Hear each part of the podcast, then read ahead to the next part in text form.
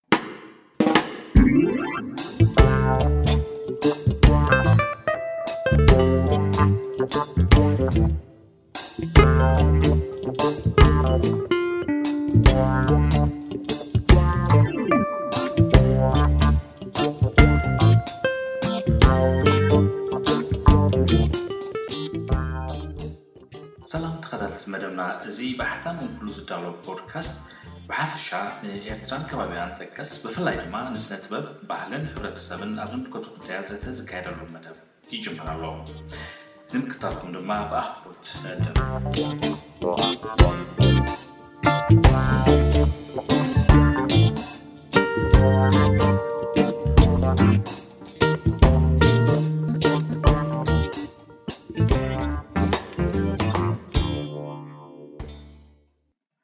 ናይ ሎሚ ጉንበት ዓሰርተ ሰለስተ ክልተ ሽሕን ዕስራን መደብና ብኣብርሃም ተስፋሉ ዝዘረኣ ኣብ ትርሰት ካልእ ስለ ዘየሎ ኣብ እትብል ናይ ዓሰርተ ሽዱሽተ እኩባት ሓጸርቲ ዛንታታት መጽሓፍ ዝርከባ ሰለስተ ሓጸርቲ ዛንታታት ዝድህስስ እዩ ክኸውን። ኣክድር ኣሕመዲን ኣብ ዝጸሓፎ ሓፈሻዊ ገምጋም እታ መጽሓፍ እዚ ዝስዕብ ይንበብ። እዚ መጽሓፍ እዚ ኣብ ታሪኽ ስነ ጽሑፍ ሓጺር ዛንታ ትግርኛ ኤርትራ ብጥበብ ኣጸሓሕፍኡ፣ ትሕዝቱኡን ኣቀራርብኡን ናይ ገዛእ ርእሱ እምነ ኩርናዕ ዘቐምጥ ምሩይ መጽሓፍ እዩ ኢለ እግምግም። ሓጺር ዛንታ ትግርኛ ኣብ ታሪኽ ስነ ጽሑፍ ኤርትራ ከም ርእሱ ዝኸኣለ ጅር ኣብ መፋርቕ ሽሕን ትሸዓተን ሰማንያታት ኣብ ግዜ ዕጥቃዊ ቃልሲ ኣብ ሜዳ ኤርትራ ኣብ ዝካየድ ዝነበረ ናይ ትርጉም ስርሓት ውድድራትን ኣስተምህሮታትን ከምኡ ድማ ኣብ ኣስመራ ኣብ መወዳእታ ሽሕን ትሸዓተን ሰማንያታት ኣብ ዝተዋህበ ስልጠናን እዩ እናተፈልጠ ዝመጸ። ኣብዚ መስርሕ ዕብየቱ ድማ ብፍላይ ስርሓት ሚኪኤል በርሀን ኣንገሶም ኢሳቕን ኣብ ናይ ተነባቢ ደረጅኡ ክበጽሕ እምነ ኩርናዕ ኣንቢሩ እዩ። መጽሓፍ ካልእ ስለ ዘየሎ ናይ ኣብርሃም ተስፋልኡል ድማ ኣብቲ ክመጽእ ዝጸንሐ ምዕባለታት ኣጸሓሕፋ ሓጺር ዛንታ ናይ ገዛእ ርእሱ ምዕራፍ ዝኸፍት እዩ ክብል እደፍር። ብተመሳሳሊ ሽሻይ ሽመዲ ኣብ ዝጸሓፎ ገምጋም፣ እዛ መጽሓፍ እዚኣ ኣብቲ ንጎስጓሳዊ መዓላ ብዝጥዕም መገዲ ዝዳሎ ወይ ብርእሰ ምምያ ሰንኪሉ ዝጸንሐ ኣዘናትዋ ወጺኣ፣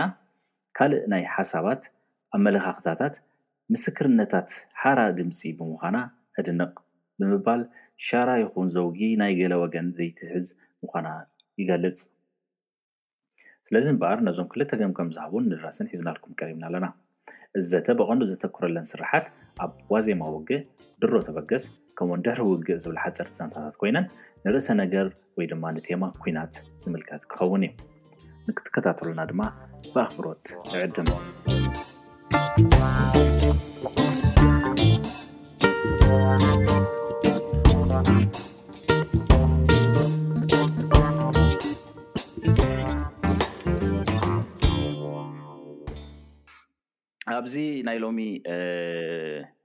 ዘተና ዝሳተፉ ድማ ደራሲ ባዕሉ ኣብርሃም ተስፋሉል ኣብርሃም ተስፋሉል ዘረ ኣብ ብዙሕ ኣጋጣሚታት ብዙሓት ዓንቀፃት ብዙሓት ናይ ጋዜጠኝነት ስራሓት ክሰርሕ ዝፀንሐ እዩ ኣብ ተፈላለዩ ናይ ዓለም ለኻውያን ማዕከናት ዜና ከበርክት ፀኒሑ ኣሎ ኣብ ጉዳያት ኤርትራ ኣመልኪቱ ከምኡ ውን ምስ መሰል ሓሳብካ ምግላፅ ዝተኣሳሰር ፅሑፋት ነዊሕ ግዜ ክፅሕፍ ፀኒሑ ኣሎ ሕጂ ድማ ናይ ናይ ዶክትሬት ወይ ናይ ፒኤችዲ ትምህርቲ ብኮሚኒኬሽን ተማሃራይ ዘሎ ማለት እዩ ካልኦት ተሳተፍቲ እውን ኣኸድር ኣሕመዲን ኣብታ መፅሓፍ ኣድሂቡ ሓደ ንውሕ ዝበለ ገምጋማዊ ፅሑፍ ኣዳልዩ ዝነበረ ከምኡ ነዊሕ እዋናት ኣብ ስራሕ ስነ ፅሑፍ ስነጥፍ ፀኒሑ እቲ ዘዳሎ ገምጋማዊ ፅሑፍ ብዛዕባ እታ መፅሓፍ እውን ኣብ መርበብ ሓበሬታ ፔን ኤርትራ ከምኡውን ኣብ መፅሄት እምኩሉ ተዘርጊሑ ይርከብ ድሕር ተንብቡ ደሊኹም ኣብተን ማዕከናት መርበባት ሓበሬታ ኣቲኹም ክትንብቡ ትኽእሉ ኢኹም። ከምኡውን ሽሻይ ሽመንዲ ምሳና ኣሎ። ሽሻይ ሽመንዲ እውን ነዊሕ እዋናት ኣብ ስነ ጽሑፍ ነጥፍ ዘሎ ገጣሚ ብዙሓት ናይ ህደማ ግጥምታት ዘዳለወ እዩ። ንሱ እውን ብዛዕባ እታ መጽሓፍ ኣመልኪቱ ጦብላሕታዊ ዝኾነ ሕፅር ዝበለ ገምጋም ጽሒፉ ነይሩ። መጀመርያ ደቕረባ ሕቶ ንኣብርሃም ክትከውን እያ። ኣብርሃም ኣብ ኤርትራ ነዊሕ እዋን ህዝቢ ኤርትራ ብፍላይ ነዊሕ እዋን ብኩናት ክሓልፍ ዝፀንሐ ህዝቢ እዩ ካብ ትዕዝብትኻ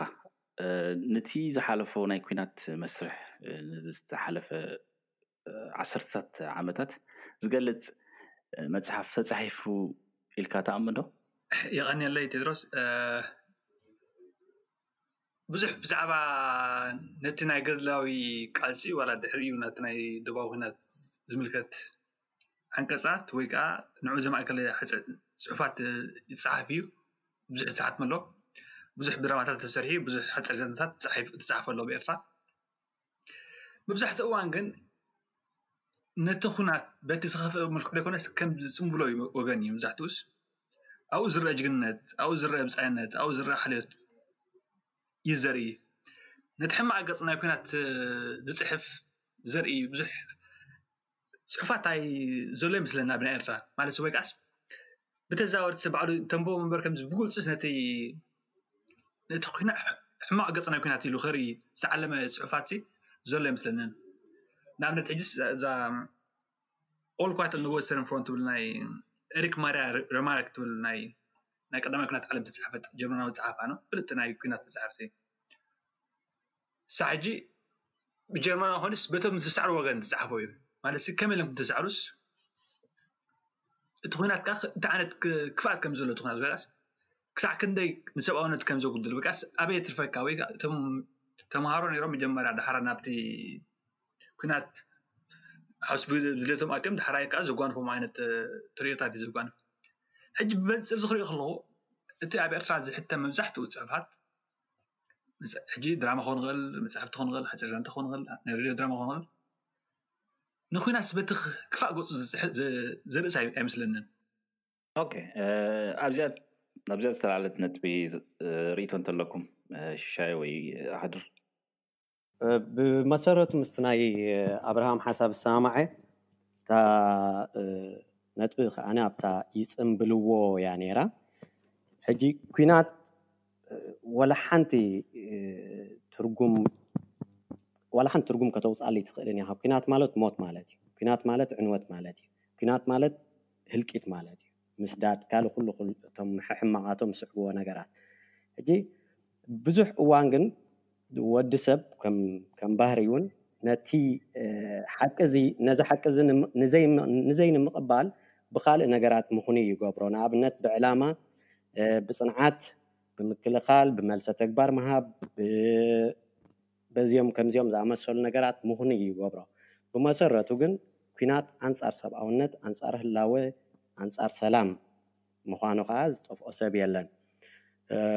ስለዚ በዚ መንጽር እዚ እንድሕር ደኣ ርኢናዮ ኲናት ልክዕ እዩ ብወገናዊ ስምዒት ክስምዓካ ይኽእል እዩ ስለምንታይ ንስኻ ኢኻ ትቕንዘዎ ኣብቲ ኲናት ስለ ዝነበርካ ስለ ዘለኻን መወዳእትኡ ግን ኩናት ብሓደ ብሰብኣውነት ዓይኒ እንድሕር ርኢኻዮ ኣብ ትሕቲ ዝኾነ ይኹን እዋን ሕማቕ ስለ ዝኾነ እዚ ኸኣ ክንገርን ክጸሓፍን ይግብኦ እዩ ዝብል ርእይቶ ኣለኒ ስለዚ ኩናት ክጽምበል ጥራይ እዩ ጸኒሑ ኣብቲ ስነ ጽሑፋትና ክጽምበል ዘይብሉ ነገር ምዃኑ ግን ንርድኦ ኢና ማለት እዩ። ስለዚ ድግፋያ ነታ ናይ ኣብርሃም ርእይቶ።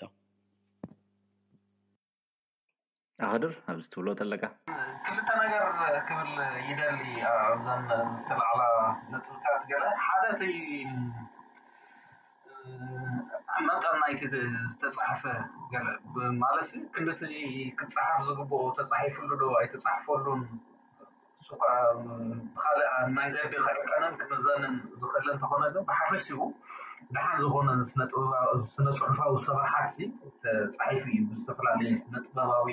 ኣገባባት ተፃሒፉን ይፀሓፍን ኣሎ። ብመልክዕ ድራማታት በሎ፣ ብደርፊ በሎ፣ ብሓፀርቲ ዛንታታት። ብዓንቀጻት ብዝተፈላለየ ኣገባባትሲ ክጸሓፍ ጸኒሑ እዩ። ምስኡ ተተሓሒዙ ከኣ እዚ ካብ ክልተ ሽሕን ዓሰርተ ሰለስተን ብኣሕተምቲ ሕድሪ ክጸሓፍ ዝጸንሐ ነቲ ታሪኽ ናይ ኩናት ዝገልጽ መጽሓፍቲ ቅጽታት ተመክሮ ገድሊ ገለ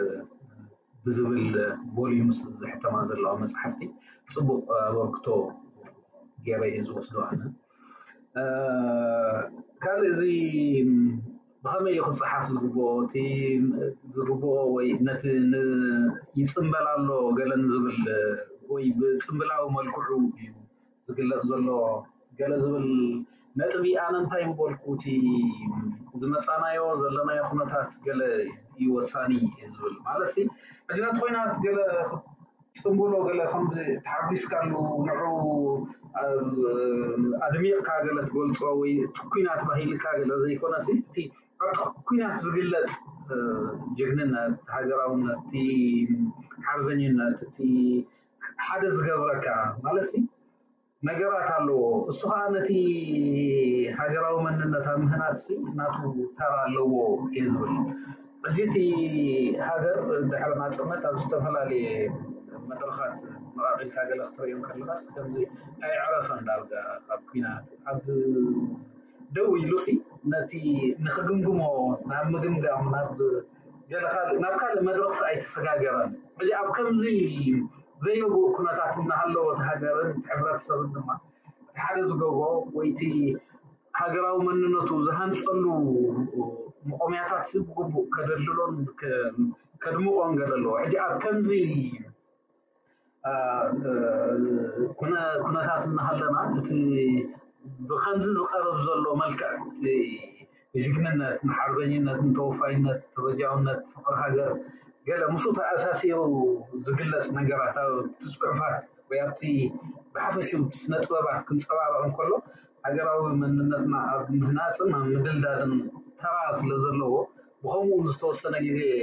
እንተቐጸለ ወይ ክቕጽል እንተረኣናዮ እውን ዘለናዮ ዘይርጉእ ኩነታት ዝፈጠሮ ስለዝኾነ ከም ኣገዳሲ ባእታ ገይሩ ይርእዮ ኣነ። ንኣብነት ኣብዚ ኣብዘን ዓሰርተ ሽዱሽተ ሓጸርቲ ዛንታታት ንኩናት ዝተዋህበ ታሹ ዳርጋ ፍሉይ ዝኾነ እዩ፣ ኣብተን ሰለስተ ካብኣን ብፍላይ ማለት እዩ። ጠባያት ኣብዘን መፅሓፍቲ ከመይ ቀሪቦም ኣለዉ? ኣብ ህመት ኩናት ክኸውን ይኽእል ወይ እውን ቅድሚ ኩናት ዘሎ ኩነታት ወይ እውን ድሕሪ ኩናት ኣብተን ዛንታታት ከመይ ቀሪቦም ኣለዉ ትብሉ?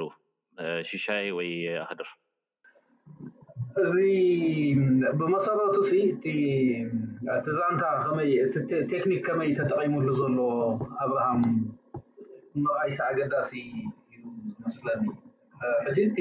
ኣብቲ ኣቕሪበዮ ዘለኹ ገምጋማዊ ጽሑፍ እኳ ኣስፊሐ ክገልጾ ፈቲነ ኣለኹ። ዝያዳ እቲ መሳጢ ሸነኽ ናይዚ መጽሓፍ እዚ ኣብ ፍጻመታት ሓደ ድሕሪ ሓደ ተር እንዳበለ እንዳጸብጸበ ዝኸይድ ኣቀራርባ ዘይኮነ ዘለዎሲ ናብቲ ኣእምሮ ናይቶም ጠባያት እዩ ዝኣቱ እዩ። ሕጂ ዓሚቕ ስነ-ኣእምሮኣዊ ወይ ከም ሳይኮሎጂካል መጽናዕቲ ዝገበረ ወይ ኣፍልጦ ዘለዎ ኮይኑ እዩ ዝስምዓኒ ኣነ እቲ ኣጸሓሕፋ ወይ ጸሓፊሲ ብዙሕ ኣድህቦ ዝገበረ ኮይኑ እዩ ዝስምዓኒ ሕጂ ክህነጹ ከለዉ እቶም ጠውያት ብመንጽር እቲ ተፈጢርሎም ዘሎ ድራማዊ ሃዋህው ክንርእዮም እንከለና ብፍላይ ኣብቲ ኩናት ዘሎ ሕጂ እቲ እታ ድሮ ተበገስ ኣላ እታ ዋዜማ ኩናት ኣላ እታ ድሕሪ ኩናት ኣላ ሕጂ ኣብዚ እቶም ሰባት እቶም ሰባት ከመይ ከመይ ይዓሊ ትእምሮኦም ከመይ እዩ ዝሰርሕ ምስቲ ኣብ ቅድሚኦም ተፋጢጡ ዘሎ ሓቂ ሲ ከመይ እዮም ሰባት ሲ ከመይ ኢና እቲ ሓቂ እቲ ክውንነት ናይ ሰባት እዩ ቀሊዑ ዘውጽኦ ሕጂ ኣብቲ ህሞት እቲ ስኢል ልክዕ ማለትሲ ከምዚ ገሊኡ ዋላ ዝተሞኮርካዮ ዝረኣኻዮ ኣብ ነብስኻ ዘበለ ሰባትሲ ከምዚ ኣብ ገለ ምስ ብፍላይ ምስ ከምዚ ከም ካልእ ኮንካ ክትር ኣብትደልየሉ ናይ ኩናት ገለሲ ዘይፈርሕ ሰብ የለን ምስ ተፋጠጥካ ምስ ሞት ምስ ተፋጠጥካ ገለ ዝስምዓካ ናይ ብሓቂ ስምዒታት እዚ ከይተገለፀ ስለ ዝሓልፍ ገለ እቲ ዓንተ ወይ ዝብሎ ዝነበርኩ እቲ ኣቐዲሙ ዝተፃሕፈ ፅሑፋት ከዓ ነዚ ገዲፉስ ነቲ ካልእ ሸነኽ ነቲ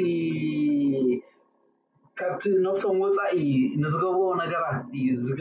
ክህበና ጸኒሑ። እሱ ሕጂ ናቱ ምኽንያታት ኣለዎ፣ ናቱ ኣገዳስነት ኣለዎ፣ ናቱ ጠቓምነት ኣለዎ። ኣብርሃም ግን ብግልባጥ ናይዚ እቶም ጠባያትሲ ከመይ እዮም፣ እቲ ውሽጦምሲ ከመይ እዩ ገለ ዋላ ጅግንነት ዝፍጽም ሓደ ጅግና ንብሎስ ኣብ ውሽጡስ ከመይ እዩ፣ እታ ሰብ ተብሎ ውሽጢ እንታይ እያ ትሓስብ ቅድሚ ናብታ ኮይናት ምእታዉ ቅድሚ ናብታ ናብ ሞት ምኻዱ ኣብ ዘላኹም ሞት ከመይ እዩ ዝሓስብ ንዓ እዩ ብግቡእ ሃኒፅዋ ሕጂ ብምሉኡ ኣብቲ ዓሰርተ ሽዱሽተ ዛንታታት ዘለዉ ጠባያት ገለ ሓደ ብሓደ ክንፍትሾም እዚ ሕጂ ተመዲቡ ዘሎ ናይ ዘተ መኣዲ ገለ ዘፍቅድ ኣይከውንን ግን ኣብተን ናይ ኩናት ገለ ግን ንዕኡ ግድፍ ኣቢሉ ነቲ ኩናት እውን ከም መንጸፊ ተጠቒሙሉ ከም ፍሬም መግበረ ነቲ ዛንታ እምበር ብዛዕባ ኩናት ገለ እውን ኣይጽሕውን እዩ ዘሎ ሕጂ ነቶም ሰባት ኣብ ውሽጦም እዩ ቀቢዑ ምጽዎ ሕጂ ኣብዚ ቀሊል ዘይኮነ ኣተሃናንጻ ከም ዝተገብረ እዩ ብዘይ ንሕስያ ከ እዩ ቢልዎ ማለት እሰን ኣነ ኣብታ ገምጋም ከቕርባ ፈቲነ ከም ዘለኹ ከተኣሳሰረን ፈቲነ ከም ዘለኹ ኣብቲ ወፈያ ሂብዎ ዘሎ ንባዕሉ ማዕረ ክንደይ እየ ናብቲ ውሽጢ ወይ ናብቲ ስነ ኣእምሮ ናይቶም ጠባያት ኣድሂቡ ከም ዝሰራሐ ገለስ እታ ወፈያ ንባዕላ እታ ንቶም መንእሰያት ከምዚ ከምዚ ከምዚ ዝሓለፉ ገለ ኢሉ ጽሒፍዋ ዘሎ ምናልባት ምሳይ ስለ ዘይላ ብቐረባ ቃል ብቓላ ክብላ እንተ ዘይከኣልኩ ካብኡ ንዕኡ መበገሲ ጌርና ናብቲ ዛንታ ናብተን ናይ ኲናት ዛንታ ምስ ኣተና ክንርእዮም ከለና እቲ እቶም ጠባያት ተተሃናንጾምሲ ዘደንቕ እዩ ጥራይ ኢልካ እውን ዝሕለፍ ገለ ኣይኮነን ሓቅነት ኣለዎ ማለትሲ ሓቅነት ኢነይሰንስ ብመንጽርቲ ንዓና ክስምዓና ዝኽእል ማለትሲ ዋላ ብቐጥታ ኣብ ኩናት ኣብ ገለ ገለ ኣይኹን መብዛሕትና ብፍላይ ኣብዚ ዘለናዮ ከድሊ ዕድመ ዘለዉ ሰባትሲ ምስ ኩናት ምስ ወረ ኩናት ኣብ ከባቢ ኩናትሲ ግዜ ዘሕለፍና ስለ ዝኾና እታ ገሊኡ ስምዒታት ብልክዕ ተሰምዓና ዝነበርናዮ ገለውን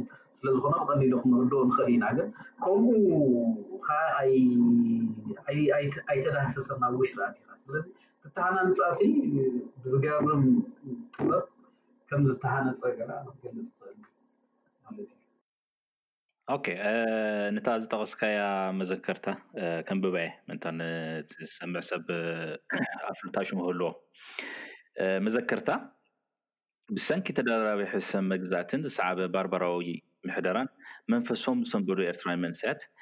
ንስጋዊ ርክብ ከስተማቕርዎን ብምሉእነት ክድሰትሉን ኣይከኣሉን እሞ፣ እዛ መጽሓፍ'ዚኣ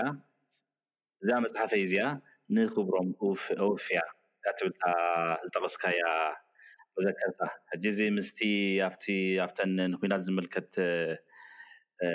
ዘድሃባ ሓጸርቲ ዛንታታት፣ ንጹር ዝኾነ ምትእስሳር ኣለዎ ትብል ከም ትብሎ ትስምዓካ። ካብዚ ምስጋር ንሽሻይ ኣሰብ ኣቢለ ምስዛ ናይ ጠባያት ዝተኣሳሰር ማለት እዩ ብዙሕ እኮ ኣኸድር ዝርዝራዊ ዝኾነ ታሽሙ ሂቡ እንተሃለወ እቶም ጠባያት ተኣመንቲ ዶ ኮይኖም ጸኒሖም እኻ? እቲ ዝበለጸ ናይዘን ዛንታታት ዝረኣኽዎ እቲ ኣተሃናንጻ ናይቶም ጠባያት እዩ። እሱ ከኣ ባህርያውያን እዮም። ናቹራል እዮም እቶም ሰባት እዮም ብፍላይ ኣብ ድሮ ተበገስ ዘለዉ መንእሰያት ቅድሚ እታ ኩናት ምእታዎም ዘለዋ ክልተ ሰዓታት ንበለን ሰለስተ ሰዓታት ዋላ ክልተ ሰዓትን ፈረቓን ኣብአን ዘሕልፍወን ኩሉ ዝገብርዎ ምንቅስቓሳታት ርኢኻ ናይ ብሓቂ ናቹራል ሰባት እዮም እዚኦም ባህርያውያን እዮም ዝጭበጡ እዮም ሰባት ክሓስብዎ ዝኽእሉ ዝሓስቡ እዮም። ንኣብነት ሓደ ኣሎ ዓሰርተ ሓደ ቢራ ዝሰቲ እንተሰኸረ ኢሉ ግን ከዓ ኣይሰኸረን መስተ ከም ዘይክእል ከዓ ይነግር እዩ ሕጂ ረኣዮ ዋላ እቲ ኣብቲ ሳይኮ ሜክኣፕ እቲ ናይ ሓንጎሉ ሲ ነቲ ኩነታት ንክድንዝዝ ኢሉ ካብቲ ኩነታት ንክወፅእ ኢሉስ ግን ከዓ እቲ ቢራ ኣይሰራሓሉ ዘጋጥም እያ ኣብ ዝኾነ ሰባት ኣባና ኣጋጥም እያ ስለዚ እዞም ሰባት እዞም ካራክተርስ እዚኦም ናይ ብሓቂ ህያውያን ኮይኖም ሲ ምስቲ ሪያሊቲ ከዓኒ ክጋጠሙ ከለዉ ትሪኦም ካልእ እቲ ዝጥቀሙሉ እቲ ኣዘንታዊ ንኣብነት እንድሕር ርኢና ብሂል ብሂላት ይወስድ እዩ። ናይ ንፋስ፣ ናይ ድሙ፣ ነብስኻ ናይ ምሕጻብ ገለ እዚ ንባዕሉ ደቂ ሰባት መንነትና ማለት ብፍላይ ኣብ ግዜ ሽግርካ ካብቲ ሽግርካ ንምውጻእ ዘሎ እምነታትካ ኢኻ ትጥቀም ወይ ተህተፍትፍ በቲ ካልእ መግለጺ እዩ። ስለምንታይ ናይ ሞትን ናይ ህየትን ጉዳይ ወይ ናይ ሽግር ጉዳይ ተኾይኑ ሰብ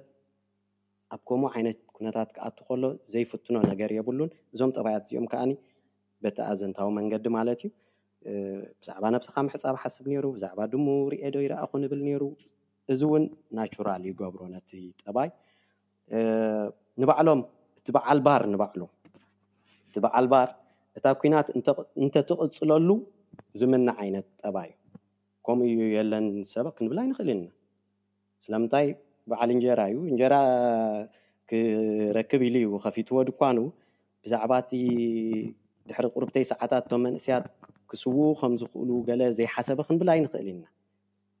ባህርያዊ ሰብ ክሓስቦ ዝኽእል ሓደ ሸቃጣይ ክሓስቦ ዝኽእል ሓሳብ እዩ ዝሓስብ እዛ ኲናት እንተትቕጽል ኢሉ እውን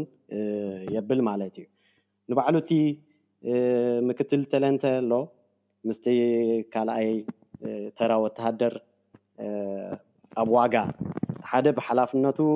እቲ ሓደ ከኣ ዕጽፊ ዋጋ ብምኽፋል ሂወቱ ከስተማቕረላ ዝደሊ ነተን ናይ መወዳእታ ሰዓታት እዚኦም ኩሎም እዚኦም ብፍላይ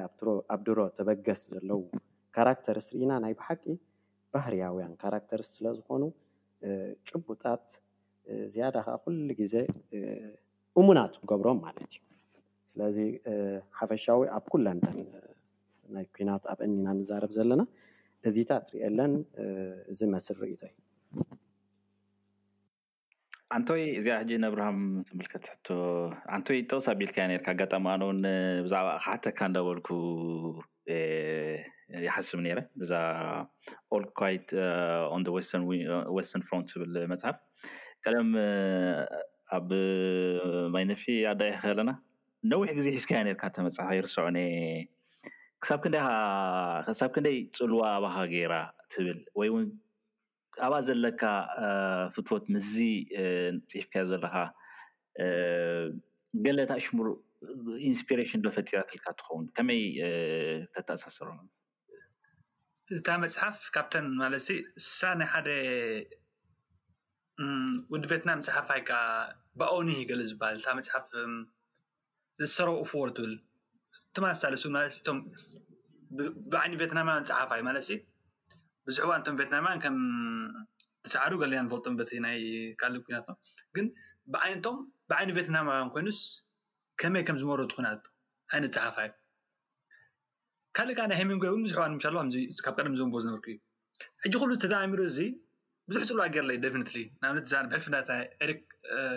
እታ ናይ ዳማሪክ መጽሓፍ እታ ኦል ኳይት ኦን ዘ ዌስተርን ፍሮንት ብጣዕሚ ማለትሲ መጀመርያ ክልተ ሽሕን ሰለስተን ኣርባዕተን ገለ ድየ ኣንቢበያ ዝኮን ዳሕራይ ዉን ክልተ እዋን ዉን ወኒነያ ኣለኩ ማለትሲ ምስ ጠፈትኒስ ካልኣይ ግዜ ከኣ ምስ ሰብ ከኣ ስለ ዝደለየሉ እየ። ሕጂ እቲ ፅልዋ ማለት ብሕልፊ ኣብ ኤርትራ ኮይንካ ዓብይና እቲ ዝለመድናዮ ማለት ከምቲ ኣቀዲመ ዝጠቀስክዮ ዋላ ፅምኢ ኣለካ ይኩን ናይ ጅግንነት ዘጉልሕ እዩ እቲ ዘንተ ዝፀሓፍ ሕጂ ንሳ ምስ ረኣኩዋ እታ መፅሓፍ ምስ ረኣኩዋ ማለት እዚስ ዲፍረንት ኣንግል ማለት እዚስ ዝተፈለየ ኣንግል እባ ካለእ ኢለስ ብዙሕ ክስታይ ማለት ኣብ ሓድራ ነብሰ ማለት እዩ ሽዑ ካስ ዋላ ትስምዓካ ምሻ ኣላ ከምዘና ነብሰ እቲ ኩናት ስምዓኒ ኣሎ ማለት ኩላትናስ ኣብ ጥቓ ኩናትን ኣብ ኩናት ናዕቢና ማለት ኩላትና ኖ ፈቲና ፀሊና ወይ ብቐጥታ ወይ ብተዛወር ወይ ብሓድ ክልተስ ኣብ ጥቓ ኩናትና ኔርና ሕጂ መብዛሕትኡ እዋን ናይ ፍርሒ ኣብ ኤርትራ ሕጂስ ብዙሕ እዋን ኣብቲ ፅሑፋት ብዛዕባ ፍርሒ ብዛዕባ ገለ ኣይትዛረብን እያ ወይ ከዓስ ከምኡ እንድሕር ትዘርቢ እውን ዝንቀፉ ተጋደልቲ ፈሪሖም ምስ ብሕማቅ ንእሽተይ ዝለዓሉ እምበር ከም ነቲ ፍርሒስ ስለምንታይ ፈሪሖም ዘንፀባርቀሎም ወገንስ የለን ወይ ከዓስ እቱ ኢሉ ዓሚቑ ንዑ ርእዩስ ስለምንታይ ፈሪሖም ወይ ከዓ ስለምንታይ ከም ዝሓስቡ ኣለዉ ኢሉስ ፍንትት ኢሉ ከርኢ ዝኽእልስ ብዙሕ ኣይንርእይኖ ሕጂ ዋላ እቲ ቀንዲ ክሓስቦ ከለኩስ ከምዚ ብዙሕ ናይ ኲናት ዋላስ ካብኡ ኣብዚ ሰለስተ ኣርባዕተ ኣለዋ ኣብ ካልእ ዉን ብዙሕ ማለት ምስ ኲናት ዝተሓሓዝ ብዙሕ ነገር ደስ ዝብለና ክጽሕፍ ማለት እዩ ከማን ንሓደ ሰብ እንታይ ይብለንስ ባእ ኣንቢባ መጀመርያ እዛ መጽሓፍ ካልስ ስማዕ እስከ ኣብርሃም ገለ ኢሉ ነበርሲ ባእ ዕድመ እስክንደይ ኢልና ኢልካ ማለት ሶቆል ኳንስ ካባይ ተመሊስካ ድሕሪ ዩኒቨርስቲ ድሕሪ ጆይን ጌርካ። ተጋዳላይ ኔርካ ዲኻ ገለ ኢሉኒ ወይ ኩናት ኣቲኻ ትፈልጥ ዲኻ ተጋዳላይ ኔርካ ዲኻ ገለ ኢሉኒ ነይሩ ኖ ኣይኮነን ግን ጀስት ከምዚ ፋሲኔት ገይሩኒ ማለት ከም ብዛዕባኡ ንኽፅሕፍን እቲ ሳይኮሎጂካል ዋላ ኣኽድር እውን ክዛረብሉ ፀኒኦስ ዋላ ሻይ እውን ክጠቕሱ ፀኒኦስ ሞርካስ እቲ ስነ ኣእምራዊ ኩነት ናይቲ ኩናት እዩ ክገልፆ ዝደሊ እቲ ዝበሃል ዘይኮነስ እቲ ዘይበሃል እቲ ጅግና ዘይኮነስ እቲ ፍርሒ እዩ መብዛሕትኡ እዋን ነቲ እቲ ከይበልና ንሓልፍ ዓይነት ኣብኡ ከተኩር ዝደሊ ከም ዝፍለጥ ብዙሕ እዋን ኣብ ግዜ ኩናት ስጋዊ ርክብ ከም መዕመፂ ወይ እውን ከም ብፍላይ ኣብ ልዕሊ ደቂ ኣንስትዮ ብዙሕ ዓይነት በደላት ይፍፀም እዩ ኣብ ግዜ ኩናት ንኣብነት ኣክድር ፀሓፍካያ ተረፍ ትብል መጽሓፍካ ኣብኣ ዘላ እታ እታ ሽሙ እታ ተዓዚማ እትተርፍ ጓል ኣንስተይቲ ንዕኡ እያ ተንጸባርቕ እቲ በሰላ እቲ ናይ ኩናት በሰላ ኣብ ልዕሊ ደቂ ኣንስትዮ ዘውርዶ ብኣንጻሩ ኣብ ዘን ሓጸርቲ ዛንታታት ናይ ኣብርሃም እንተርኢና ከምኡ ዓይነት ታሽሙ ኣይትርእን ንስጋዊ ርክብ ዘይብሉ ምሻሎም ዘይብገሱ ሰባት ኢኻ ትርኢ እዚ ከመይ ትሪኦ ተገራጫዊ ኮይኑ ዶ ስማዓኩም ወይስ ብከመይ ትገልፆ ምስ ኣቀዲምና ክንብሎ ዝፀናሕና ምስ እነተኣሳስሮ እዚ ስነ-ኣእምሮኣዊ ኩነታት ናይ ሓደ ሰብ ኣብ ኩናትን ኣብ ሃዋሁ ናይ ኩናትን ኣብ ዘለወሉ እዋን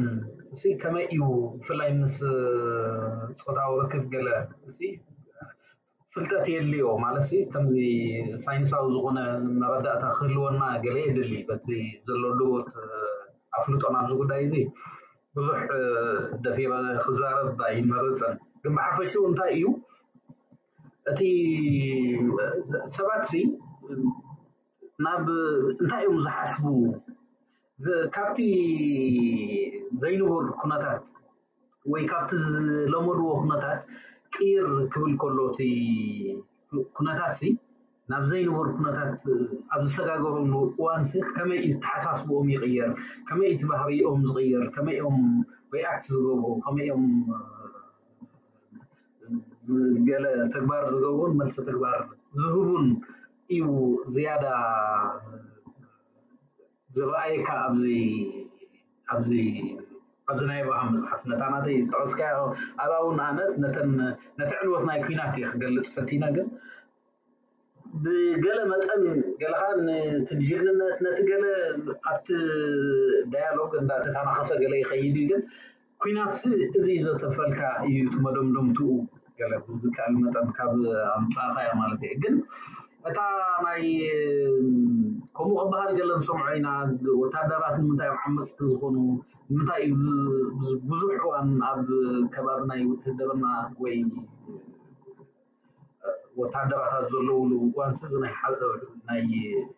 ሕቶ ዓመፅ ተተሓሒዙ ይለዓል ገለ እሱ እሱ ዝካለ ኣርእስቲ ይመስለኒ ገለ ግን እተን ዝመሰጣኒ ኣነ ኣብታ ክሳይሲ እዚ ብካልእ እየ ከዓ ኣነ ዝርእዮም እቶም ወታደራት ሲ እዚ ክንመውት ኢና እሞ ሞት ኣይተረፍኒ ገለ ኢሎም ይሓስቡ እቲ እቲ ኣዘንታዊ ሕጂ እዚ ከምዚ ከይጠዓምክዎ ገለ ድየ ክመውት ገለ ዝብል ክሳያት ገለ እዩ ዘለዎ ሕጂ ሰባት ካብኡ ኣግፊሕካ ክትረዮም ከለኻ ነዚ ከምዚ ዓይነት ኣተሓሳስባ እቲ ኩሉ ዝግበር ላዕልን ታሕትን ሲ እቲ ዝተረፈካ ቅድሚ ሞትሲ እቲ ዝተረፈካ ደስታታት ናይ ዓለም ምስ ተማሊእካዮ ክትከይድ እውን ክኸውን ይኽእል እዩ። ሰባት ከምኡ ክሓስቡ ይኽእሉ እዮም። ኣብታ ተሪፋ ዘላ ናይ ሞትን ህይወትን ምፍጣጥ ሰዓታት ክትወስድ ገለ እዚ ክሕሰብ ይከኣል እዩ። እዚኤን እንተረኣና ገለ ይመስለኒ፣ ዝያዳ ካብዚ ዝብሎ ዘለኹ ንላዕሊ ገለ ክገልጾ ዝኽእል እንተልዩ እቲ ምስ ናይ ጾታዊ ርክብ ገለ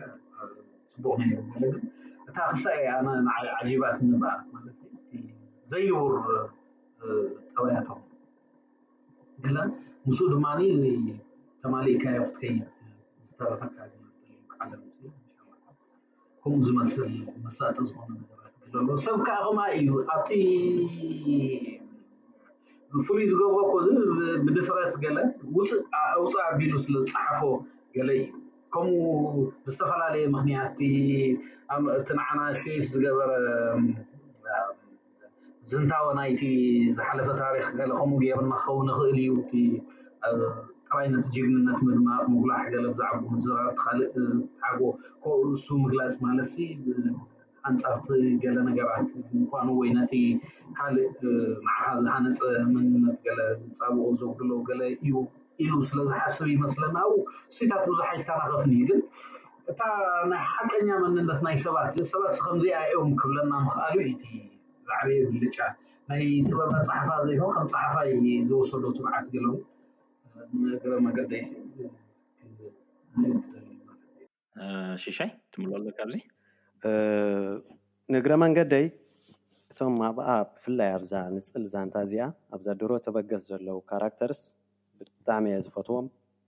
ያሬድ ሰባት ኮይኖም ብኣካል ክረኽቦም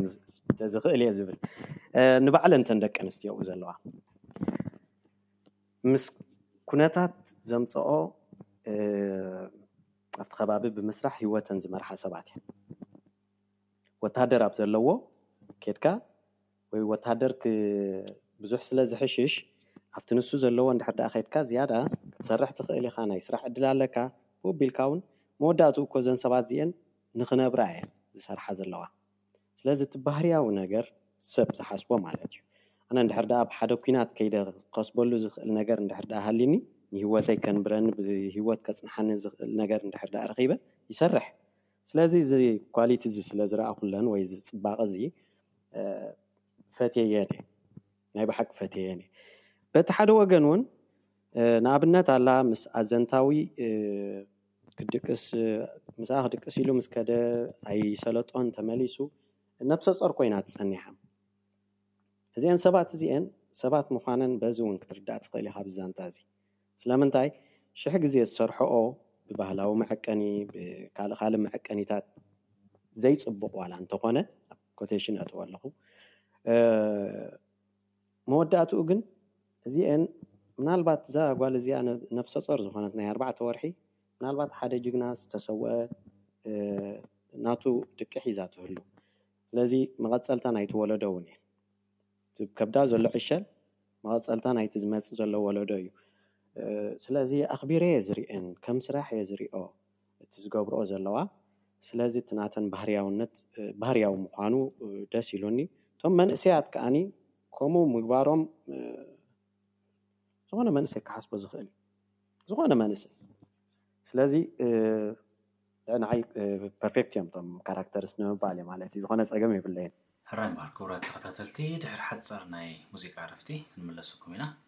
ነዛ ናይ ብሉዝ ሙዚቃ ክተስተማቕርዋ ድማ ንጋብዘኩም።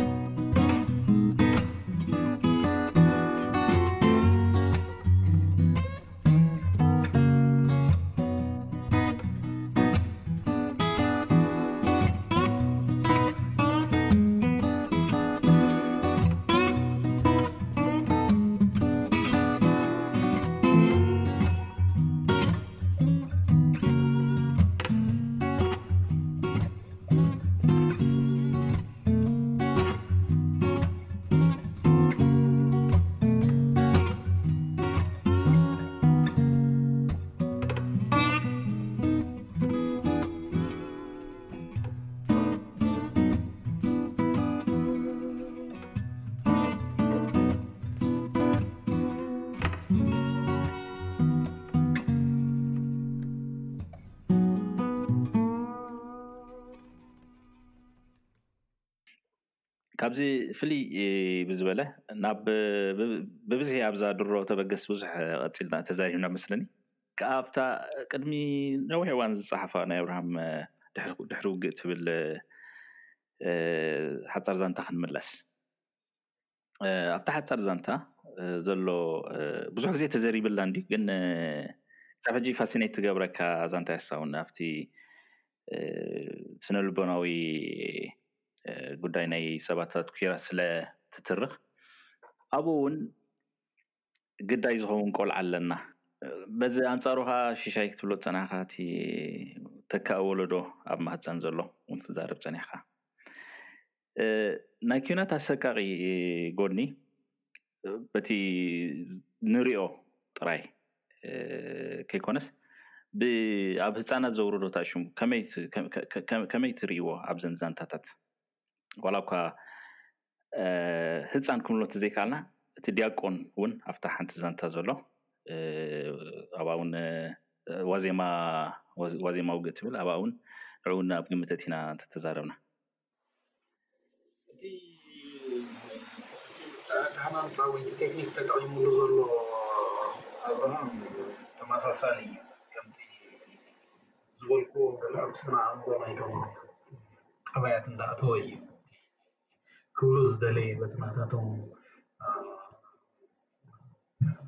ምሻሉ እቲ ኩነተ እምቦኦም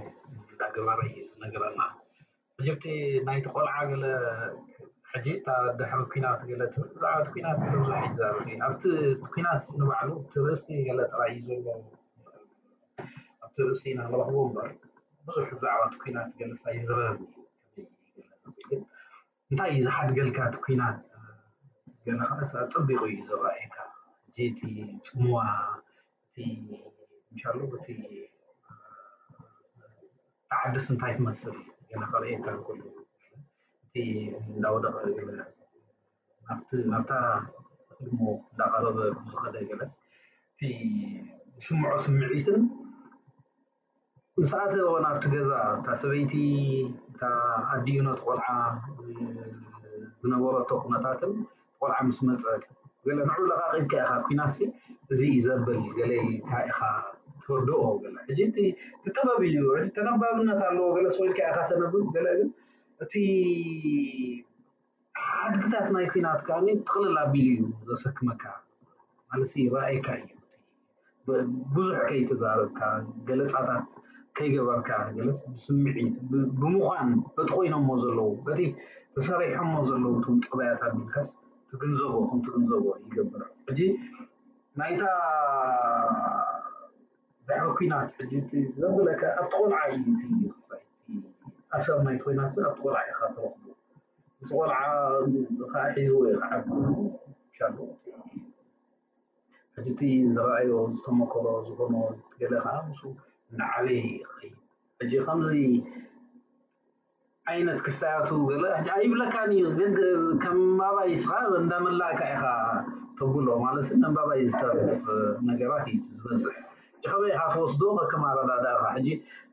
ሲሳይ እቲ እታ እቲ ነፍሰ ጾር ሲ ኣብ ናይ ከም ናይ ሴክስ ስራሕ ገለ ዝሰርሕ ነይራ ገለ ከም ዝትኸውን ገለ ሕጂ ከምኡ መረዳእቱ እዩ ዘልዕሎ ዘሎ ካልእ ኣንባቢ ብኻልእ ክወስዳ ይኽእል እዩ ነዚኣ ኣይትፈልጥ ኒኻ ናጽነቱ እዩ ሕጂ እቲ ብልጫ ናይቲ ጽሑፋት ወይ ዛንታታት ከምኡ ዓይነት ናጽነት ክህበካ ምኽኣሉ እዩ የእትዎ ኢዩ ነቲ ኣንባባይ ፈት ኣቢሉ ኢዩ ዘእትዎ ሕጂ ካብኡ ከኣ እንታይ ኢኻ ትወስድ ገለ ከከም ተመክሮኻ ከከም ትዕዝብትኻ ከከም ኣናብባኻ ከከም ኣብ ውሽጥኻ ዘሎ ሓቅታት ትን ውህሉል ነገራትን እዩ ዝኸውን ሕጂ ኣነ ክሪኣ እንከለኹ ሕጂ እዚኣ ዘተሓሳስበካ ገለ ገሊኡ ምስ ትፈልጦ ዛንታ ምስ ትፈልጠን ኣዴታት ምስ ትፈልጦም ህፃናት ገለ ከተብሎ ትኽእል ኢኻ ከምኡ ኩናት ዝጋብ ምስ በለ ዝኸድካዮ ዓዲ ዝረኣኻዮ ስድራ ዝረኣኻዮ ሂወት ገለ ክህሉ ስለ ዝኽእል ገለ ናብኡ ክወስደካ ይኽእል እዩ ግን እሱ እዩ ኣይኮነን ዋና ነገር ዋላ ከምኡ ተመሳሳሊ ተመክሮ ዘይብሉ መሰንበቦ ሓደ እቲ ዝበልክዎ ኩናት ዝሓድጎ ነገር ወይ ኩናት ዝህበካ ነገር ከምዚ ሓፍ ኣቢሉ ኣቕርብ ዘብለልካ ከምዚ ከይተፈለጠካ ከኣ ሓንሳብ ብዛዕባ ከምኡ ኢልኩምካ ከምዚ ናይ መሳጢት ዛንታ ምስቲ ቆልዓ ኢንተርተይን እንዳገበርካ ምስታ ኣደ እንዳዕለልካ ንሱ ከዕልል ከሎስ እቲ ኣንባቢ እዩ ምስኡ ዘዕልል ገለ ከምኡ እንዳበልካ ገለ ኢኻ ትኸይድ ግን ይኣትወካ እዩ ንውሽጥኻ ሕጂ እታ ኣተሓሳሳቢ ዝገብራ እዛ ድሕሪ ኲናት ከኣ ኣብቲ ቆልዓ ዝተርፍ ምዃኑ እቲ ሓድግታት እዩ ስለዚ ኪኑ ከይበልና ገለ እዚኣ እኽልቲ እያ ማለት ናይ ወለዶ ናይ ገለ ገለ ምናልባት ክብድ ይብል እዩ ኮሚታት መግለፅታት ግን ከማ እታ ስምዒተይ ንዓይ ስብ ትቆልዓ ትቆልዓ ክስከማ ምኽኣሉ ወይ ኣብ ቆልዓ ዝተረፈ ስምዒታት ገለ ዝያዳ ይስማዕካ ተሓሳስበካ ኣብርሃም ነዊሕ ስቕ ኢልካ እንዲኻ ኣባኻ ክምለስ ኣብቲ ዓንቶይ እቲ ዓንቶይ ዘንበብኳ መዘክርታ ኢልካ ፅሒፍካዮ ዘለኻ ሕጂ እውን ደጊመ ከንበባ ምንታን ሰብ ክዝክራ ብሰንኪ ተደራራቢ ሕሰም ሕሰም መግዛእትን ዝሰዓበ ባርባራዊ ምሕደራን መንፈሶም ዝሰንበዱ ኤርትራውያን መንእሰያት ንስጋዊ ርክብ ከስተማቕሩ ከሰማቕርዎን ብምሉእነት ክድሰቱሉን ኣይከኣሉን እሞ እዛ መጽሓፈይ እዚኣ ንዝኽሮም ኣወፍያ ኢልካ ኣለኻ። ሳላ ኣገልግሎት ሳላ መንእሰይ ብልቢ ከይቆጸረ እውን ካብ ገዝኡ ዝወጸሉ ኣጋጣሚታት ሳላ ዘሎ ንስጋዊ ርክብ ኣየስተማቕርዎን ኢልካ ዶ ትኣምን መንእሰያት ኤርትራ? ፅፁይ መፃዕቲ ወይ ውን ስታስቲክስ ገለ ኣየድልን እዩ ግን ከመይ ናብ ከምኡ መደምደምታ ዘብፅሓካ እታ ባህላይ ከምዚ ንቡርነት ዘጥፍእ ህይወት ምንባል እየ ሞር ሻሎ ናይ ዳርዊሽ ግጥሚ ላ ኣብ ተንስ ኤርፖርት ገለ ትብል ምናልባት ስክራቶም ከዓ እጂ ድማን ውማን ማለት ምርዓው እሞ ኖ ፕሌስ ቱ ሜክ ላቭ ገለ ምሻልስ ኣብቲ ኣተንስ ኩሎም ሰብ ኤርፖርት ኣብ ትራንዚት ዝነብሩ ለይ እቶም ፍልስጤማውያን እሞ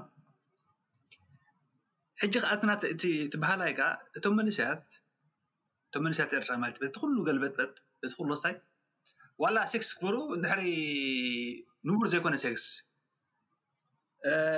ኢንጆይ ዘይትገብሮ ሴክስ እንተኮይኑ ወይ ከኣስ ዝኮነ ንቡርነት ዘጥፍእ ማለት እዩ ወድን ጓልን ኮይኖም ዕርክነት ክሕዙ ወድን ጓልን ኮይኖም ኣብ እዋኖም ክምርዓዉ ወድን ጓልን ኮይኖም ኣብ እዋኖም ክዘምዱ እንድሕሪ ዘይኪኢሎም ንባዕሉስ ዋላ ፊዚካል ሴክስ ዋላ ይግበሩ እምበር ነቲ ሴክስ እውን እንጆይ ኣይኮኑን ዝገብሩ ዘለዉ። ሕጂ እታ ናተይ ቃል ናሃ እዚኣስ ነቲ ንቡርነት ዘጥፍ መንእሰይ እዚኣካስ ዳርጋ ንዕኦም ወፊያ። ሕጂ ቁሩብ ዋላ ምናልባት ከይንውሕዳ እቲ ዘረባ እምበር ዋላ እታ ኣብኣ እታ ናይ ስጋዊ ርክብ ገለ ዝበልካውን ሕጂ ብዙሕ ካብቲ ክልተ ነገር እየ ኢለ ሕጂ ኣብቲ ኣብቲ መእተዊ ኣምነስቲ ንስጋ ርኩብ ምስ ኢሎም ሽዑ እንታይ ክመስሎም ይኽእል እቲ ሰብ እቲ መጽሓፍ እዚ ብዛዕባ ስጋ ርክብ ድዩ ዋላ ብሻላ ደስ ክብል ኢዩ ክሕዞም ዝኽእል ኢዩ ዋላ እታ ሓንቲ ካብታ ናይ ርእሳ ሲ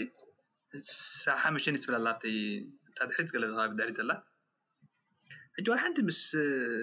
ምስ መሸኒት ምስ ገለ ዝተሓሓዝ የብሉን እቲ ደስ ዋላ ሓንቲ ቃንዛ ናይ እሱራት ኢዩ ኣብዚ ዘሎ ሕጂ ከምዚ ብሓደ ወገን ከምዚ ፕሮቮክ ክገብር ዝደሊ ሻሎስ ቁሩብ ነቲ ነውርድ መሰል ኣልዕስስ ንእሽተይ ነገር ተውርዶ ናብ ታሕቲ ተውርዶ በቲ ካልእ ወገን ግን እቲ ዘይንቡርነት ከብቃስ ነቲ ከዓ ንሓፍሮ ዘለና ኣርእስታት እዚታት ማለት ነዚ ብዛዕባ ሴክስ ምዝራብ ነውሪ እዩ ክትፅሕፍ ነውሪ እዩ ዋላ እቶም ወታደራት እውን ክዛረብሉ ዝፀንሑ ቅድሚ ናብቲ ኩነት ንቶም ሴክስ ክብሩ እዮም ዝጋዩ ገለ ኣኸድር እውን ኣብታ ናቱ ገምጋም ፅሒፍዋ ነይሩ ሳዕ ምስታ ምዝክርታን ኣጣሲርዋ ኔሩ ልክዕ ንሳ ማለት ሲ እታ ኣብኣ ዘላ እቶም ኣብኣ ዘለዉ ኣብታ ቅድሚ ድሮ ተበገስ ዘለዉ ወታደራት ሲ ዋላ ሓንቲ ኢንጆይ ክገብሩ ኣይክእሉን እዮም ሴክስ ጥራይ ሲ ናይ ሞትን ሂወትን ኮይኖም እዮም ስኢኖም ክፍትኑ ንቡር ከይፈተኑ ከይሞቱ ኢሎም እዮም ናብተን ባሪስታታት ናብቶም ገለ ዝጓየዩ እምበር ኢንጆይ ዉን ኣይገብርዎን እዮም ነቲ ሴክስ። ሕጂ ነዚ ከምዚ እንታይ ክገልፅ ደሊየ እሞ ከምዚ ብቀጥታ ከዓ ነቲ ፊዚካል ፊክስ ጥራሕ ዘይኮነስ ነቲ ብዓቢኡ ዘይንቡርነት ዘለዎ ኣብ ኤርትራ ንምውካል ዝበልኩ ኮይኑ ይስመዓኒ። እዘን ዛንታታት ካብ ሓደ ቀጽሪ ወይ ካብ ሓደ ሃገራዊ ስነ ጽሑፍ ወይ እውን ሓደ ዞባዊ ስነ ጽሑፍ ወጻኢ ዓለም ለኻዊ ዘበለን ነገራት ረኺብኩምለን ዶ ወይ እውን እዚኤንሲ ንኤርትራ የዘኻኽራ ወይ ከ ኤርትራዊ ዘብል ነገር ኣለዎን ደብል ነገር ረኺብኩም ዶ ሽሻይ ከምቲ ክበሃል ዝጸንሐ እቶም ካራክተርስ ናራል ካራክተርስ ናይ ብሓቂ ሰባት ስለ ዝኾኑ ንዓይ ኢንተርናሽናል ካራክተርስ እዮም ዋላውን ንእሽተይ ጽሕፍቲ ጽሒፈ ነይረ ኣቐድም ኣቢለ ኣብ ፌስቡክ ዘርጊሐ ነይረ ኣብኡ እውን ብዛዕባኡ ይጠቅስ እየ ዝኾነ ኣብዝን ኣብትን ተኻይዱ ክስቶን ክስቶን እዮም ኢሉ ዋላ እውን ዘብል ኣይኮነን እቲ ዛንታታት ስለዚ ዝኾነ ሰብ ከምቲ ብቲ መፅሓፍ ኣብቲ ካቨር ናይቲ መፅሓፍ ብድሕሪት ተጠቒሱ ዘሎ ንሓደ ውድቀት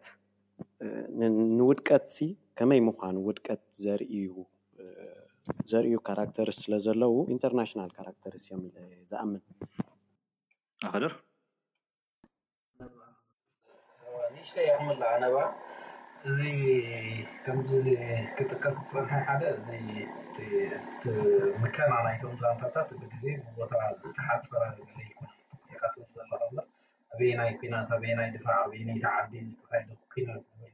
መግለፂ ገለ የብሉን ዋላ መግለፂ እንተዝህልዎ ገለ እውን ዋላ ሓንቲ ዓዲ ምጥቃስ ኣብ ከምዚ ግንባር ኣብ ከምዚ ገለ ኢልካ እውን ናቱ ዓለም ለኻውነት ይሓፅሮ ማለት ኣይኮነን ዝያዳ ከምቲ ኣብቲ ገምጋም ዝበልኩ ዋላ ኣብዚ ተናኽፉ ዝፈተንኩ ኣብቲ ስነ ልቦና ናይ ሰባት ኣድሂቡ ስለ ዝተፃሕፈ ዝፅሑፍ እዚ ብምሉኡ ዛንታታት ትግደፎ እዚ ናይ ኩናት ጥራይ ዘይኮነስ ብምሉኡ ሰባትሲ ኣብ ኣብቲ ዝተፈጥረ ድራማዊ ሃዋሁ ገለ ከመይ እዮም ዝሓስቡ ሰብሲ ከመይ እዩ ዝኸውን ሰብሲ ከምዚኣ እያ ሕጂ ብዙሓት ከምኣ ንብዙሕ ሰብ እኮ እዚ ማለት እቲ ዝበዝሕ ሰብሲ ከም ገለ መንነቱ እንዳሓብአ ገለ እዩ ዝኸይድ ማለት ንኣብነት ፍርሒ እንዳተሰማዓቶ ፍርሒ ከርእየካ ኣይደልን እዩ ቀናእ እንዳኾነ እንከሎ እዚ ይቀንእ ከም ዘሎ ዋላ ንምጻዩ ንሓዉ ንመትዓቢቱ ገለ እንዳቀንእ እንከሎ ከምዚ ይቀንእ ከም ዘሎ ይሕስድ ከም ዘሎ ገለውን ከርኢ ኣይደልን እዩ እታ ናይ ቀናእ ምዃን ሓሳድ ምዃን ስምዒት ግን ኣብ ውሽጡ ኣላ እዚ ከም ነፋግ ምዃን ስቕ ኢልካ ምሽ ኣለካ ገለ ብደጌኻ ከምዚ ሓሪፍ ትመስል ብደጌኻ ስልጡን ትመስል ብደጌኻ ቅኑዕ ለዋህ ገለ ክትመስል እንዳደለኻ ግን ብውሽጥኻ ካልእ መንነት ሒዝካ ምህላውካ ገለ እዚ ኣብ ሰባት ንርእዮ ነገር እዩ። ኣብ ኩነታት ፍጥር ኣቢልካ ንእሽተይ ነገር ቅይር ተብላ እሞ ንኣብነት ሕጂ ማዕበል ኣታ ማዕበልሲ ብዛዕባ ማዕበል ህይወት ክጋላበጥ እንከሎ ግደፎ እቲ ናይ ማዕበል ናይ ባሕሪ ዘይኮነ ማዕበል ናይ ህይወት ኣብ ዝጋላበጠሉ ኣብ ዝቀያየረሉ እዋን ባህሪ ኣተሓሳስባ ድሌታት ስስዕቲ ኩሉ ዓይነት ናይ ሰባት ከመይ እዩ ዝቀያየር ሰባት ከመይ እዮም ዝኾኑ ካብዚ ሰብ እዩ ክትብሎ ዝጸናሕካ ከመይ ኣቢሉ እዩ ናብ ሓደ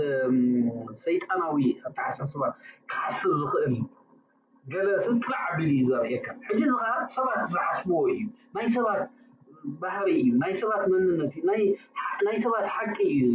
ንኤርትራዊ ንወዲ ካምቦድያ ወዲ ጊኒቢሳው ንገለ ዝምልከት ንበይኑ ዝብጽሖ መንነት ወይ መግለጺታት ገለ ይኹን ኣብ ኩሉ ሰባት ዘሎ እዩ እዚ ከኣ ከምዚ ምሻሎ ከምዚ ምስ ውሽጥኻ ከተዕልል ገለ ዝገብረካ ነገሩ ድማ ኣብ ከባቢኻ ኣለዉ ከምዚ ዓይነት ሰባት ኣብ ከባቢኻ ትርእዮም ኢኻ መናብርትኻ መኻይድትኻ ኣብ ጥቓኻ ገለ ዘለዉ ንባዕልኻ እውን ገለ ናይ ከምኡ ክሳያሰብ ገለ ኣለካ ሕጂ ንኹልና ዝብጽሓና ዝምልከተና ስነ ልቦናዊ ኩነታትና ዝገልጽ ዛንታታት ስለ ዝኾነ ወሰን የብሉን ኢለ ክገልጾ እኽእል እየ። ምስኣ ክውስኸሉ ፍቓድ ድዩ ቴድሮስ? ኦኬ ኣራይ ቀጽል። ይቕሬታ ደጋጊመ ናብታ ድሮ ተበገስ ምልእ ይኸይድ ኣለኹ። እቶም እቶም ድሕሪ ክልተ ሰዓት ናብ ኩናት ዝኣትዉ ወተሃደራት እቲ ወተሃደራዊ ካቦኦም ተቐንጢጡ እቲ መንእሰይነቶም ጎሊሑ እዩ ዝረአ። እቲ ዝፈተኹሉ ፓርት ማለት እዩ። ንባዕሉ እቲ ዲያቆን ድዩ ዋላ ካልእ ነገር ነይሩ ኣብቲ ኣብ ዋዜማ ውግእ ዘሎ ንእሽተይ ኮተቴ ንባዕሉ እሱ ንባዕሉ ወተሃደር ኮይኑ እዩ ኣብቲ ዛንታ ዝመፅእ ግን ዝያዳ ዝርአ ኣብቲ ኣብቲ ቆልዓ ወይ ኣብቲ ኮተቴ እቲ ሰብ ምዃኑ ግርህና ዘለዎ መንእሰይ ወይ ኮተቴ ሓደ ንጹህ ገለ ትርኢ። ስለዚ ገለ ካብቲ ጽባቐታት ወይ ኢንተርናሽናላይዝ ክገብሮ ዝኽእል ነገራትሲ እቶም ወተሃደራት ኣብ ናይ ኲናት ስለ ንዛረብ ዘለና ብምልኦም ነቲ ካባ ናይ ውትህድርና ተቐንጢጡስ ከም መንእሰይነቶም ገይሩ ከርኢ ስለ ዝኸኣለ እዚ ዛንታታትዚ ኣብ ዝኾነ ሸነኽ ናይ ዓለም ዘሎ ወይ ኣብ ዝኾነ ቦታ ዘሎ ኣንቢቡሲ ምስኡ ናይ ቀረባ ምትእስሳር ክገብርሉ ዝኽእሉ ዛንታታት እዮም፣ ምስቲ ኣንባቢ ማለተይ እየ። እዚኣ ንኽብል ኢለ እየ። ኦኬ ጽቡቕ። ማይክ ፍሬ። ሰዓት ዳርጋ ኣኺሉ፣ ሰዓት ዝኣክል ተዛሪብና ኣይዶንዎ ኣይተረድኣናን እንታይ ኣቦና ኣኺሉ። ዝኾነ ዘየልዓልናዮ ወይ ውን ማለትሲ ብዙሕ ነገር ክበሃል ይከኣል እንድዩ ግን እንሻላ ብቐጥታ ገለ ክንብሎ ግን ረሲዕናዮ ሓሊፍና ትብሎ ተሎ ገለ ክንምልእ ንኽእል ኢና። ሓንቲ ርእይቶን ሓንቲ ሕቶ ከዓ ንደራስን ሂበ ኣነ ክዓፅወልኩም ከመይ ይመስለኩም? ፍቓድ ድዩ? ሕራይ ኦኬ ፍቓድ ድዩ? ፍቓድ ሓትት ኣለኹ። ኦኬ ኣብታ ናይ ደጀን ናይቲ ህፃን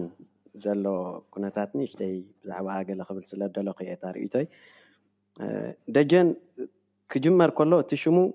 ካብ ናይ ወዲ ሉቃስ ከም ዝመፀ እዩ ዝዝንቶ። ረኣዮ እቲ ናይቲ ኲናት ውፅኢት ስም ወዲ ኸኣ መብዛሕትኡ እዋን ደቂ ቐሺ ካብ ናይ መጽሓፍ ቅዱስ ሽም ይውሰደሎም ንበል ንሕጂ ክጥዕመኒ ማለት እዩ ኣብ ከተማ እንድሕር ሃሊኻ ኣብቲ ከተማ ዝውቱር ዘሎ ሽም ይወስድ እቲ ህጻን እዚ ቆልዓ እዚ ንዓይ እንታይ ኮይኑ ይስምዓኒ ኣብ ናይ ኩናት ዞባ ስለ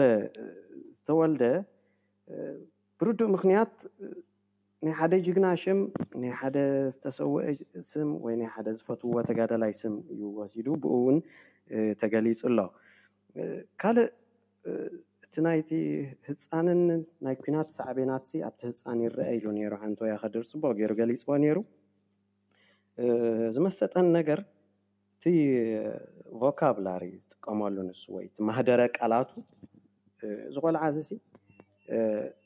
ናቱ ሞዴል ተጋዳላ እዩ። ኢንጂነር ክኸውን ምተመነኹ ኣነ ሓደ ዶክተር ክምነ ዶክተር ንክኸውን ክምነ ምተመነኹሉ ከም ውልቀ ሰብ ከም ሽሻይ ግን ልክዕ ኣብቲ ቦታ እቲ ኣብቲ ናይ ኩናት ዞባ ዝውለድ ቆልዓ እንታይ ክኸውን ደሊ ግን ኣርእዩና ንባዕሉ እቲ ማህደረ ቃላቱ ከምቲ ዝበልክዎ ቁጽሪ ቆጺሩ ኣይክእልን እዩ ካልእ ነገራት ውን ኣይፈልጥን ብዛዕባ ናይ ብረት ግን ኩለን ዓይነታት ብረት ይፈልጥ እዚ ናይ ብሓቂ ጽባሕ ንግሆ እቲ ጀነረሽን እቲ በዓል ደጀን ሲ ብናይ ኩናት ሜንታሊቲ ተሃስዮም ዝዓብዩ ጀነሬሽን ከም ዝፈጥር ሓደ ኲናት ድሕሪ ኲናት ዘሎ ውፅኢት የርእየካ ኮይኑ ይስምዓኒ። ካልእ ናይ ኣብ ዋዜማ ውግእ ዘሎ ኮተቴ መንእሰይ እቲ ኣዘንታዊ ክሕክሞ ከሎ ገለ ዝህበና ነጥብታት ኣሎ። ኣምር ናይ ግዜ የብሉን ኮተቴ። ናይ መገዲ ንውሓት ሽሕ ኪሎሜተር ይብሎ ነቲ ዝመጾ መንገዲ። ሽሕ ኪሎሜተር ኣዝዩ ብዙሕ እዩ። መን ምስ መን ይዋግኡ ኣለዉ እውን ኣይፈልጥን እዩ። ንዓይ እንታይ የርእየኒ መሲልኩም እዚኣ ኮምፕሊት ግሩህ ግርህና ዝመልአ ወላ ሓንቲ ዘይፈልጥ ፃዕዳ ሰብ እዩ ብካልእ ብካልእ ኣገላልፃ ወይ ንዓይ ዘርእየኒ ነገር እንድሕር ዳኣ ሃልዩ እዚ ከዓኒ ብዙሕ እዋን ኣብ ኩናት መንግስታት ይዋግኡ እዮም እቲ ዝበዝሐ ህዝቢ ግን ኣዕሚቑ ዘይፈልጦ ኲናት እዩ ዝዋጋእ። ንዓይ ከምኡ ዘርእየኒ ዘሎ ኮይኑ ይስመዓኒ እዚ ዛንታ እዚ ኣብ ዋዜማ ውግእ ማለት እዩ። ብዘይ ብኡ እውን ዋላ እንድሕር ደኣ እቲ ኲናት ተኻይዱ እውን ኩሎም እቶም መንእሰያት ዋላ እዚ ንብሎ ዘለና ዲያቆን ድዩ ነይሩ ዋላ ካልእ ግርህና እዩ ዝጠፍእ ኣብ ኲናት። እቶም መንእሰያት ከኣ ከም መንእሰያት ኮይኖም እንድዮም ቀሪቦም ዘለዉ ከም ወተሃደራት ኣይኮኑን ቀሪቦም እቲ ዝበለጸ ብልጫ ዝበልክዎ ሕልሚ ሰብ ሕልሚ እዮም መንእሰይ በዓል ሕልሚ እዩ መንእሰይ በዓል መጻኢ እዩ ብዙሕ ነገር ትኸስር ማለት ኢኻ ነዞም ሰባት እዚኦም ኣብ ኩናት እቲኻ እዚአን እየን ነይረን ርእይቶታት ሓንቲ ሕቶ ግን ክሓቶ ንኣብርሃም ናባኸ እተን መፅሓፍቲ ኣንዊሐዮ ኣለኹ ይቕሬታ ናይ መወዳእታ እያ ግን እዚኣ እተን ዛንታታት እቲ ሓንቲ 2007 እያ ተፃሒፋ ኣብ ዋዜማ ውግእ እንተዘይተጋጌ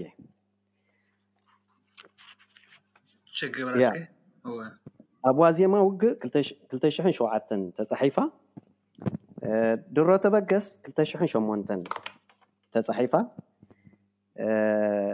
ድሕሪ ውግእ ከኣ ክልተ ሽሕን ሰለስተን። ሕጂ ብመንጽር ዝጸሓፍካሉ ግዜ እንድሕር ርኢናዮ፣ ድሕሪ ውግእ መጀመርያ ጽሒፍካያ። ድሕሪኡ ክልተ ሽሕን ሸውዓተን ኣብ ዋዜማ ውግእ ኢልካ። ድሮ ተበገስ ከኣ ክልተ ሽሕን ሸሞንተን። ሃው ካም? ማለት እቲኣ ምስ ጸሓፍካ ዲኻ ኦኬ እዚ ቅድሚኡን ነበረን ኣብቲ ድርኡን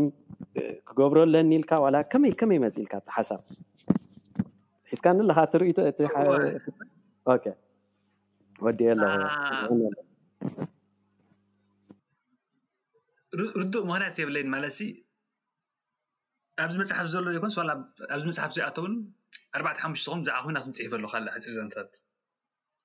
ብዙሕ ግዜ ምስ ኩናት ዝገለ ኦብሰሽን ኣለኒ ምሻላ ከምዚ ሞር ሳይኮሎጂ ስነ ኣእምራዊ ናይቲ ጠብያት ናይቲ ሰብ ስለ ዘርእየኒ ሕጂ ዝኾነ እዚ ከ እዚ ከ ክብል ዝኽእል ኣይመስለንን ግን እንታይ እቲ ኣተሓሳስባይ ኩሉ ግዜስ በቃ በየናይ ኩርናዕ ኢልካ ክትሪኦ ነዚ ኩናት ሕጂ ምሻልስ እቲ ቆልዓ ዝስዕር ኩናት መጀመርያ ዝስዕሩ ይሪኢ ኣለኹ ክብገሱ ከለዉ ከመይ ይመስሉ ምስ ቀረብኡ ከመይ ይመስሉ ኣብቲ ኩናት ምሻልስ በብእዋኑ ነተን